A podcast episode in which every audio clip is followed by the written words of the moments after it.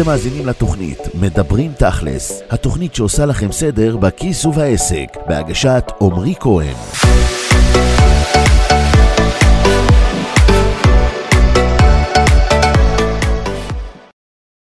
בוקר טוב, עמרי. בוקר אור, רחלי. בוקר טוב גם לכם, לצופים ולמאזינים לערוץ תכלס. כאן עמרי ורחלי, בעוד פרק בפוסטקאסט שלנו, שמספק תשובות תכלס לשאלות הכי מעניינות בתחום הכסף, העסקים וההתפתחות האישית. אז בואו נדבר תכלס. עמרי, השאלה שלי אליך היא מאוד פשוטה. אם באים אליך היום ושואלים לגבי פתיחת עסק עם אח, קרוב משפחה או אה, חבר קרוב, מה היית מייעץ לאדם כזה? אחלה. אז קודם כל, אה, אני אתייחס לשאלה הזו בשני חלקים. החלק הראשון הוא לגבי שותפות בכלל, והחלק השני הוא לגבי שותפות, נקרא לזה, משפחתית. לגבי שותפות בכלל, צריכה להיות לשותפות הזאת מטרה מאוד ברורה. וכשאני אומר מטרה מאוד ברורה, אני מתכוון לדבר מאוד פשוט. יש את בעל העסק, הוא מגיע עם כישורים, יכולות, ניסיון, קשרים, ידע שלו. כשנכנס שותף, צריכה להיות לו תרומה בדמות אותם הדברים.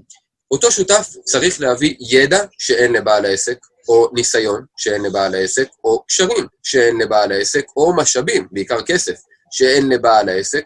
זאת אומרת שאין שום סיבה להיכנס לשותפות, אלא אם כל אחד מהצדדים מביא משהו שונה לשולחן, שביחד יוצר סינרגיה. משמע, אחד ועוד אחד שווה שלוש. אם אין את הדברים האלו, אין שום סיבה להיכנס לשותפות. כבר נתקלתי בהרבה מאוד בעלי עסקים שמגיעים כבר עם שלושה, ארבעה שותפים אפילו, וכשאני שואל אותם מה הדבר הייחודי שכל אחד מהשותפים מביא לשולחן, אז אין להם תשובות. הם פשוט אומרים שהיה למישהו רעיון, ואז הוא סיפר את זה לחבר'ה, שהתלהבו, והם אמרו, יאללה, בואו נעשה את זה ביחד. אחר כך הם מבינים שזה סתם מיותר, וגם לבעל העסק עצמו, זה שיוזם את הרעיון, זה לא כדאי כלכלית, כי בסוף הוא גם צריך להתחלק הרבה יותר ברווחים שיהיו לעסק, במידה והוא יצליח, ולא בגלל שלשותפים יש תרומה כלשהי, תרומה ייחודית. אין להם, הם פשוט עושים את אותו הדבר, ובסוף יוצא שהעבודה שהייתה יכולה להיות באחריותו של אחד מהשותפים, זאת פשוט אותה עבודה שמתחלקת בשניים, שלושה, ארבעה, ולפעמים אפילו יותר, נתקלתי גם במקרים כאלו. אז אם אין תרומה ייחודית לשותף שיוצרת סינרגיה עם בעל העסק, אין שום סיבה להיכנס לשותפות. עכשיו, כשנכנסים לשותפות, צריך לוודא לא רק שהוא מביא משהו חדש לשולחן, לא רק את הידע, הכישורים, הניסיון או המשאבים, צריך לוודא גם ברמת האידיאולוגיה, גם ברמת הערכים. שלאותו שותף יש את אותם הערכים שאנחנו מאמינים בהם, כי קורה לא פעם שכאשר העסק גדל וצריכים לקבל החלטות, והחלטות תמיד מונעות מהערכים שכל אחד מאמין בהם, אז יש התנגשויות. וההתנגשויות הן לכאורה בהחלטות, אבל לא באמת. ההתנגשויות האלו נובעות בגלל התנגשויות בין ערכים. ואם מתחילים כבר בתחילת הדרך לעבוד עם שותף שאין לו את אותם הערכים, אז תמיד יהיו התנגשויות, תמיד יהיו כיוונים שונים, כל אחד ימשוך לכיוון שונה, וזה כמו סירה שיש בה שני חותרים, רק שכל אחד חותר לכיוון הפוך, ובסופו של דבר הסירה תקועה במקום, ככה גם העסק תקוע במקום. אז לגבי כל הדברים האלו, זה מה שחשוב לבדוק, ואלה הדברים שחשוב לשים אליהם לב לפני שנכנסים לשותפות.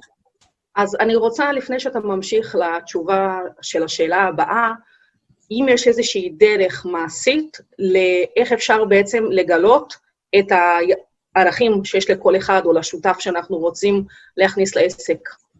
שאלה מעולה. אני אוהב את השאלות, כי עוד פעם, את הולכת לתכלס וזה מצוין. זה מה שאנחנו רוצים לתת לצופים שלנו. אז uh, בהחלט כן. הדרך אבל היא לא לשאול אותו כמו שכל האנשים שואלים, תגיד לי, מה הערכים שלך? או לחילופין, uh, במה אתה מאמין? זו לא הדרך. הדרך היא לא לשאול אותו מה הערכים, אלא להגיד לו, תגיד, אם היינו מגיעים למצב שבו יש סיטואציה כזו, ויש שתי אפשרויות לקבל בהן החלטה. יש את האפשרות הזו ויש את האפשרות הזו. מה היית עושה? זאת אומרת, במילים פשוטות אנחנו צריכים לשקף לאותו שותף פוטנציאלי לצורך העניין, כל מיני סיטואציות שעלולות לקרות בעסק, לתת לו כמה אפשרויות, ולראות מה הוא בוחר. אם אנחנו נראה שהבחירה שלו זהה לבחירה שלנו, אנחנו מבינים שאנחנו בעצם מונעים מאותו כיווני מחשבה, מאותם ערכים. ואם אנחנו נראה שהולכות להיות אה, חילוקי דעות, אז מן הסתם זה אומר שגם בערכים יש בעיה. אפשר גם לשאול שאלה שהיא טיפה יותר ישירה, אבל עדיין לא כל כך ישירה, כי אז לא מקבלים תשובות כנות. השאלה יכולה להיות, תגיד אם עכשיו אנחנו נהיה עסק גדול, ואנחנו נביא מלא עובדים ונצטרך להתחיל לדבר איתם על אה, ייעוד וחזון ומשימה וערכים. איזה ערכים היית רוצה שאנחנו נקדש בעסק שלנו? איזה ערכים חשובים לך כאדם, והיית רוצה שאנחנו נמנף בעסק שלנו? עכשיו, בגלל שהשאלה הזו היא כן ישירה על ערכים, אבל היא מדברת על העסק ולא על הבן אדם, אז הבן אדם עושה את הניתוק, וכאילו הוא עונה בצורה עקיפה על העסק, אבל בתכלס הוא מספר לנו מה הערכים שלו, ולכן זה נותן לנו אינדיקציה להאם אנחנו מדברים באותה שפה או לא. אם יש פערים, גם אם השותף מביא משהו ייחודי, בדמות ידע, קשרים, ניסיון, כסף וכולי, אני לא ממליץ להיכנס לשותפות, אני ממליץ להיכנס לשותפות רק כששני הדברים האלו הם בהתאמה לבעל העסק, גם ברמת הדבר הייחודי שהוא מביא וגם ברמת הערכים, אחרת זה מתכון לכישלון. אבל תקן אותי אם אני טועה, כשאנחנו מדברים על ערכים, ואם הייתי צריכה לשאול את השותף, את המועמד לשותף לגבי הערכים כמו שהסברת, אני אקבל הרבה תשובות שהן די סיסמה, אותן תשובות שאני שומעת uh, מכל אחד כל הזמן, בלי שאנחנו באמת מבינים מה זה נקרא ערך, והאם באמת אנחנו מאמינים בערך הזה. מעולה, אז בואי נעשה תרגיל. תני לי ערך שאת מאמינה בו. עזרה הדדית. עזרה הדדית, מעולה. בן אדם שהערך עזרה הדדית הוא אחד מהערכים החשובים ביותר שלו. איך הוא מתנהג? כמובן עוזר לאחרים, אה, גם מקבל עזרה מאחרים. זה בא לידי ביטוי ביומיום שלו, בפעולות שלו. הוא לא מפחד לבקש עזרה כשהוא צריך, והוא מאוד רוצה לתת עזרה לאנשים שצריכים אותה. מעולה. עכשיו את רואה בעצם איך תכלסנו את זה בשאלה מאוד פשוטה להתנהגויות. במקום לדבר בסיסמאות של שאפתנות, הישגיות, יוזמה, חריצות, אוטודידקטיות, מה שזה לא יהיה, שאלה פשוטה כמו בן אדם שיש לו את הערך הזה, איך הוא מתנהג, חושפת מיד את ההתנהגויות הפשוטות שהבן אדם מאמין בהן, כי מה שבעצם את אומרת לי זה, אם זה הערך שלי, ככה אני מתנהגת. וזה בעצם מה שמשקף לי חזרה לגבי העסק ולגבי השותף. אוקיי, אחלה. מעולה. אח, אחלה. החלק השני, בעצם שאלת לגבי, אה, נקרא לזה שותפות משפחתית. אז, אז בעצם ההבדל בין מה שאמרתי קודם, בשותפות כללית, לבין אה, שותפות משפחתית, לא קיים. אין הבדל. כי מה שאני צריך לבדוק בשותף יהיה אשר יהיה, זה בדיוק את אותם הדברים. הוא צריך להביא משהו ייחודי לשולחן, והערכים צריכים להיות זהים. איפה המורכבות ואיפה בעצם השוני? זה דורש התמודדות מסוג שונה בשוטף. כי צריך לזכור לפעמים שבסוף היום, אם נגיד מדובר באחים לצורך העניין, אז אולי מגיעים לאותו הבית בסוף היום, או שנמצאים בו בסוף היום, וצריך גם להבין שלפעמים הדברים האלה יהפכו להיות עסק משפחתי לא רק של השותפים, אלא פתאום ידברו על זה בכל המשפחה, ואז זה פשוט יהפוך להיות נושא שיחה שכאילו זה בסדר לדבר עליו, למרות שזה לא קשור אלינו, וצריך לדעת איך להתמודד עם זה. המורכבות היא בעצם בעשיית ההפרדה, שבין בעסק אנחנו שותפים, ובבית אנחנו אחים לצורך העניין.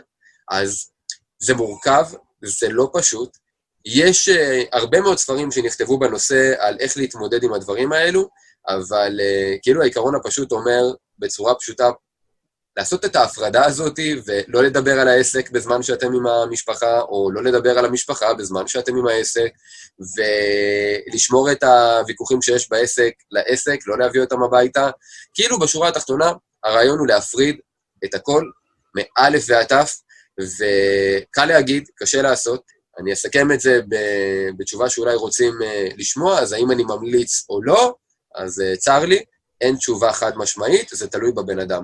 אם אתם מסוג האנשים שמסוגלים לעשות את ההפרדה הזאת, אז לכו על זה, ואם לא, אז עדיף שלא תיכנסו לזה, כי זה באמת מורכב, ואם מגיעים למצב של פירוק שותפות לצורך העניין, בהיבט משפחתי, זה לא נעים, ברוב המקרים זה פוגע גם ביחסים המשפחתיים כמעט באופן ודאי, ולכן צריך לקחת את זה בחשבון, זה כמו נישואין לצורך העניין ו- וגירושין, ממש אותו הדבר, קשה מאוד, מאתגר מאוד, ולכן צריך לחשוב טוב טוב אם אתם בנויים לזה או לא. מי שבנוי לזה יכול לנסות, אפילו כדאי אולי להחליט על תקופת ניסיון, כדי לוודא שבאמת אפשר לעשות את זה נכון, ומי שחושב שהוא לא בנוי לזה, ושיהיה לו קשה לעשות את ההפרדה, ושהוא לוקח דברים ברמה האישית וזה משפיע עליו, אז שלא ייכנס לזה בכלל. אוקיי, okay, ולסיום, טיפ, עצה, תכלס, שאתה נותן היום ללקוח שמגיע אליך ומתייעץ איתך לגבי הקמת עסק עם שותפות. מה העצה הכי טובה שלמדת לאורך השנים מכל הניסיון שלך? אז בעיניי, מה שאמרתי בתור הפרמטר הראשון, של לבדוק מה התרומה הייחודית שהשותף מביא, זה תמיד הדבר הראשון שאני בודק, תמיד השאלה הראשונה שאני שואל את האנשים שבאים אליי, כי שם נופל האסימון. בסוף יכולים להיות הרבה דברים טובים, אבל אם אותו שותף לא מביא משהו ייחודי, ידע, קשרים, ניסיון, כסף, משאבים אחרים, יהיה אשר יהיה, אין שום סיבה לחשוב בכלל על להיכנס לשותפות. מבחינתי השאלה הזו היא עניין של להיות או לחדול. אז כשמישהו חושב להיכנס לשותפות עסקית, שישאל את עצמו מה הדבר הייחודי שהשותף הזה מביא. מה אני אפסיד אם אני לא אכניס את השותף הזה לעסק. אם זה לא ברור, אז אין שום סיבה להכניס את השותף, תבינו שזה אולי איזושהי משאלה שלכם או איזשהו רצון, אבל ברמה העסקית זה פשוט לא נכון. אחלה, מעולה. אז תודה לך, עמרי, על עוד פרק מאוד מעניין. תודה גם לכם, צופים יקרים. אם אהבתם את הסרטון, ותעשו בבקשה לייק, ותירשמו לערוץ יוטיוב שלנו, ואם אתם רוצים כבר היום לקבל פגישה אישית איתי, הטלפון שלי הוא 052-830-1614, תתקשרו אליי כבר היום, ואנחנו נתראה בפרק הבא. נתראה.